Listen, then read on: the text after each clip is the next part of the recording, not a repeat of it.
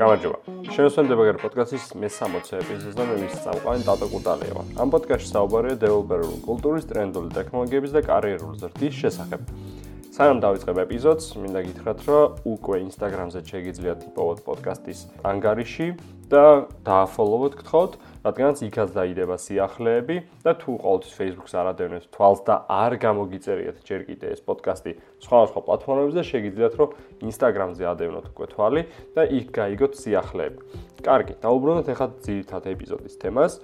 წინა ეპიზოდში საუბარი იყო სუპერვარსკვლავის ეფექტზე და მინდა რომ ჯერ იმას მოусმინოთ, რათა უკეთესად აღიქوات რა ხდება ამ ეპიზოდში და რაზე არის საუბარი. თუმცა რა თქმა უნდა შეგიძლიათ ისეც მოусმინოთ ჩვეულებრივად. მოკლედ, საუბარი დღეს არის თუ როგორ გავიგოთ ვართ თუ არა გავლენის ქვეშ, რაც სხვა ადამიანის გავლენის ქვეშ, კონკრეტულად სამსახურში, პროექტის შიგნით და ზოგადად ჩვენ წრეში. რას მოყვა ეხლა ეს? ეს ყველაფერი მოყვა იმ წინა ეპიზოდს, რაც არის სუპერვარსკლოვის ეფექტი.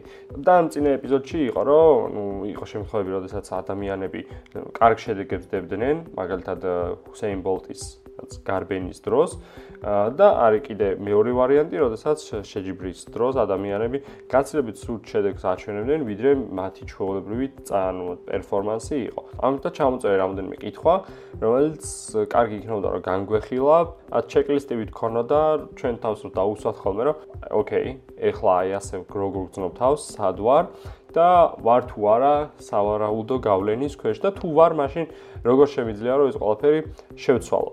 ზოგადად კი ანუ ეს გავლენა საერთოდ არ არის ცუდი და არ ნიშნავს რომ რაღაცა უნდა მოვიშოროთ და ასე შემდეგ. უბრალოდ ამ გავლენას შეიძლება მიგვიყვანოს ტოქსიკური გარემოს ჩამოყალიბებისადკენ და ზოგადად შეიძლება არასასიამოვნო შედეგანი მიყვანოს, სადაც უკვე ჩვენ ვეღარ ხვდებოდეთ, როდის მიღებთ იმ გადაწყვეტილებას, სადაც ჩვენ გვინდა ნაცვლად იმისა, რაც შეიძლება რეალობაში ხდებოდეს. ამიტომ კარგი არის თუ მონიტორინგს გავუწევთ და გავაკონტროლებთ ჩვენ თავს. იმიტომ რაღაც სახის გავლენა ჩვენს თავზე ყოველთვის არსებობს. თავარი არის, რომ ჩვენ ვიყოთ ანუ გაცნობიერებული კონდეს ეს და მუდმივად ანუ ასე ვთქვათ მონიტორინგს ვაწარმოებდეთ. ის ხალხი ვის გავლენის ქვეშ შეიძლება მოიქცეთ, ანუ საერთოდ არ პრობენ ხშირ შემთხვევაში მოგვაქციონ გავლენის ქვეშ ამ პირიქით. ფიქრობ რომ მათ გავლენის ქვეშ ვინმე არის და ამის ამოცნობა უფრო რთულია, რომ ადამიანმა დაადეთ, ანუ მიხვდეს, აღმოაჩინოს მისი გავლენის ქვეშ ხომ არ არის ვიღაცა ორგანიზაციულ სტრუქტურაში ამის აღმოჩენა ცოტათი უფრო რთულია, ვიდრე პირიქით, რომ თვითონ ადამიანმა იფიქროს, თვითონ ხარ არიან ვიღაცის გავლენის ქვეშ. ამიტომ ეს არ ანუ ვინმეს გავლენის თუ ქვეშ თუ ვართ რას უგრძნობთ, არ ნიშნავს, რომ აუცილებლად იმ ადამიანმა იცის ეს და რაღაც შეიძლება ბოროტად გამოიყენოს ან სწავლოს. არანაირად. უბრალოდ ბუნებრივად რაღაცები ხდება. და ეხლა რატო ხდება მაგალითად ბუნებრივად რაღაცები? ჯერ ეს განსაზღვროთ და ესაა საბაზისო ქვედა ხაზი დავაწესოთ. ის ხალხი ვისაც რაღაც გავლენა აქვს, ეს სიტყვა გავლენა ძალიან ფართო არის განსაზღვრების და მოთქვათ, ანუ ეს რა არის? გავლენა, ანუ გავლენა არ არის უარყოფითი გავლენა, როც და რაღაც იძულებით რაღაცა გაეკეთებინონ, ან რაღაც ვიღაცის უფროს და დაქვემდებარებულ შორის, აი ასეთი ასეთ ურთიერთობაზე არ არის საუბარი. უბრალოდ ვიღაცის შეიძლება პროფესიული მოსაზრება, ანუ უფრო მეტ მეტად ფასობდეს, მეტად რა თქმა უნდა ასეც უნდა იყოს, ვიღაცების მეტად ფასობს, თუმცა გავლენა გულისხმობა აქ, რომ თვითონ რამდენად მოეხвеვა შენ თავს აი ეს გავლენა, ისე რომ შენი რეალ რეალური პროფესიული აზრი გადაწონოს, თქვა რაღაც არგუმენტის გარეშე. ამაზე ცოტა მეერე ვისაუბროთ და ეხლა ვისაუბროთ იმ ხალხზე, ხო? დაუძახოთ მათ ინფლუენსერები, ეს ძალიან ძალიან ცუდი სიტყვა, მაგრამ მართლა ვისაც რაღაც გავლენა აქვს, არიან აი პროფესიონალები, ის ის ის ხალხი, თავის პროფესიის წარმომადგენლები და საკმაოდ კარგი წარმომადგენლები, თავის საქმის პროფესიონალები, სხვადასხვა იერარქიულ საფეხურზე, ანუ მნიშვნელობა არ აქვს რა საფეხურზე შევხვდებით, ანუ ძალიან კარგი პროფესიონალები არიან, რომლებიც აუცილებელი არ არის გათვითცნობიერებლად, არამედ გაუთვითცნობიერებლადაც კი იწვევენ, ანუ ყოველდღიურ თავიდან საქმიანობით ვიღაცეებზე, ანუ გავლენის მოპოვებას. რა თქმა უნდა, დადებითად ასევე, რომ ვიღაცა გამოდის რომ შეიძლება ძალიან კარგი უნარჩვევები აქვს სხვა ადამიანების დამოტივირების, ამიტომ მათ რაღაც უფრო გავლენა შეექმნებათ და ის ხალხი ანიჭებს სხვა ხალხი მას იმ გავლენას და ლეგიტიმურობას, ვისაც თქვა мотиваციას აძლევს. მაგალითად, ყოველ დილით ეს ერთი ადამიანი, X ადამიანი მოდის და თელ თანამშრომლებს ამოტივირებს, შეიძლება რაღაცა გუნდურ ჭრილში ხო, დილით მოქონდეს ან შოკოლადები ან რაღაცები და იმ თელ გუნდთან ერთად ან თვითონაც ერთ-ერთი ძალიან კარგი თანამშრომელი და უნდა ჩვენი ამ რთულ პროექტს გადავაგორებთ ახლა ძალიან, მაგრამ მივაწვევით, წინ მივდივართ და ეს ყველა ყველაფერი რაც სტრესი არის შეიძლება გუნდიდან ხსნიდეს. ამას არ აკეთებს თქვა სპეციალურად იმისთვის რომ გავლენა მოიპოვოს არამედ ბუნებრივად არსებობენ ასეთი ადამიანები რომლებიც არიან ასე ვთქვათ ხარდამჭერი გულშემატკივრები ჩირლიდერები თავიანთივე ხასიათით ხო?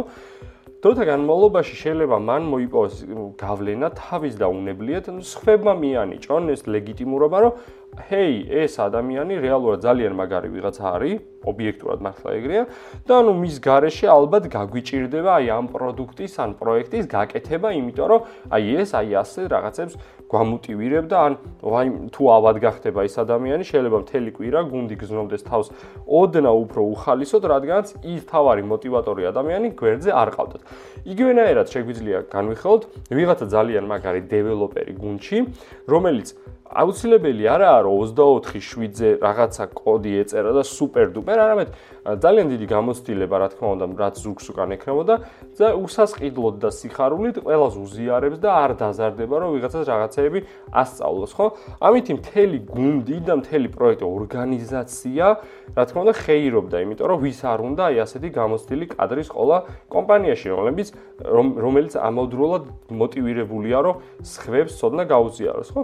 ამიტომ ამ ეს ქმნის ხოლმე უნებლიეთ დამოკიდებულებების ჯაჭვს და რაღაც გავლენებს, რომ ეს ხალხი მეરે საჭიროებს ამ ადამიანს, რომ მისცეს რჩევები, შეიძლება დამოუკიდებლად უკვე გადაწყვეტილების მიღება უჭირდეს, იმიტომ რომ იცის, რომ ის ადამიანი, რომელიც არის სუპერ გამოცდილი და კარგი, ექნება რაღაც პროფესიული აზრი, რომელიც მანამდე უკვე დროში გამოწრთობილია. ამიტომ ბუნებრივად რაღაც ირიბი დამოკიდებულები ჩვენ იმ ადამიანთან გახ უკვე კავშირი და მიბმ. აი ამას გულისხმობს ზუსტად თლიან აი რასაც ვამბობ გავლენის მოპოვებაში რომ იმ ადამიანს საერთოდ არ უნდა შენზე ან სხვებზე გავლენის მოპოვება ანუ არაფერი დასამტკიცებელი არა აქვს ხოლმე. ხო ანუ რა თქმა უნდა არის ხალხი ვისაც აქვს და უნდა მაგრამ მოდი ვისაუბროთ ის როდესაც საერთოდ არ ფიქრობს იმაზე რომ შენ გავლენის ქვეშ ყავდე იმიტომ რომ აფერში არ ჭირდება ეს. მაგრამ ბუნებრივად შენ ვარდები გავლენის ქვეშ. მოდი გამოვყოფ რამოდენიმე კითხვას რა უნდა დაუსვათ ჩვენ თავს ალბათ რაღაც დროის განმავლობაში ხოლმე რომ ვაკონტროლოთ ვართ თუ არა ვინმეს გავლენის ქვეშ თუ ვინ არის ის ვის გავლენის ქვეშაც შეიძლება ვიყოთ და როგორ შეიძლება რომ ეს თუ უკვე ტოქსიკურში გადადის ან ჩვენთვის საზიანოს შევამციროთ თუ არა დავტოვოთ ისე უბრალოდ მონიტორინგის პროცესში ყავდეს. ნუ პირველი კითხვა იქნება რამდენად ვართ დამოკიდებული იმ ადამიანის სამუშაოზე? ძალიან გაცეთილი კითხვაა, მაგრამ კიდევ ერთხელ დავუფიქრეთ. რამდენად ვართ დამოკიდებული იმ ადამიანის სამუშაოზე? ანუ ის ადამიანი რომ აკეთებს თავის საქმეს, იმაზე რამდენად ვართ ჩვენ დამოკიდებული? ანუ ჩვენი საქმეები ერთმანეთზე დამჭიდროდ არის დამოკიდებული, თუ მჭიდროდ არის დამოკიდებული, იმ შემთხვევაში რა არის ის ნაწილი, სადაც უკვე ის ადამიანი მჭირდება, ხო? და იქ უნდა გავმიჯნოთ კაფიოდ, რომ შემთხვევით ხომ არ არის ეს დამოკიდებულება იმითი გამოწვეული, რომ ამ ადამიანზე ჩვენ უკვე გძნობთ არსებულ ირიბი დამოკიდებულებას თუ პროექტის ჭრილში ვართ მართლა იმ ადამიანზე დამოკიდებული. მეორე კითხვას ალბათ დავსვამდი, რომ როდესაც ის ადამიანი არ არის, აი თქვა გაციუდა, ხო? თუ შეგვიძლია იმ საქმეების წარმოება ისევ, იმ საქმეების კეთება, რასაც აქამდე ვაკეთებდით. იმ შემთხვევაში თუ მაგალითად იერარქიულად ვართ იმ ადამიანზე დამოკიდებული, შეიძლება რომ რაღაც საქმეები ვერ მაწარმოოთ, მაგრამ ჩვეულებრივ სამუშაო გარემოში, ყოველდღიურ სამუშაო გარემოში წესი დიდი არ უნდა იყოს იმ ადამიანის შეერთო, იმიტომ რომ ზოგადად ისეთი ორგანიზაციული მართვის სისტემები, რომელშიც ერთი ადამიანი ძალიან დიდი ჩარევა აქვს მეორე ადამიანის სამუშაოში, ხშირად არ არის ხოლმე კარგი. ამიტომ ყოველდღიურ სამუშაოში წესით იმ ადამიანს არ უნდა ქონდეს დიდი ჩართულობა. და მაინც თუ ის ადამიანი არ არის, შეგვიძლია თუ არა ჩვენი საქმეების წარმოება დისკომფორტის გარეშე, პრობლემის გარეშე. და ამ შემთხვევაში შეგვიძლია შევაფასოთ გავლენა, ვთქვათ, რამდენად ვექცევით იმ ადამიანის გავლენის ქვეშ. ისე ვამბობ, რომ არ ეხება უშუალოდ სამუშაო პროცესებს, რაც სხვა ადამიანზე ვარ დამოკიდებული, არა, არამედ ჩვეულებრივ ჩვენ კოგნიტურ ლეველზე რამდენად შეგვიძლია გადაწყვეტილების მიღება ისე, რომ ის ადამიანი არ იყოს ჩართული ამ პროცესებში და ვიღაცასთან რაც შეთანხმება არ გვიწევდეს, თუნდაც ისევ, იმიტომ რომ ჩვენ თავს უთხრათ, ოკეი, ეხა იმ ადამიანს შეუთანხმე, შემილია რომ ბოლომდე წინ წავიდა, ნუ ის რამდენად არის ჩვენთან მოსული. და მესამე კითხვა ალბათ, როდესაც რამე თემის განხილვა მიდის, რამდენად ვეთანხმებით იმ ადამიანის იდეას, იმ მიზეზით, რომ უფრო გამოცდილია და რეალური არგუმენტი შეიძლება არ გქონდეს და ვეთანხმებით უბრალოდ იმ ადამიანს, რომ კი, კი, ეგრეა. თუმცა ანუ შეიძლება არ იყოს ეგრე, ან შენ უკეთესი მოფიქრება შეძლო, თუმცა ო, რადგან იმან თქვა, ესე იგი ეგრე იქნება და შენც მიყვები ბრმად.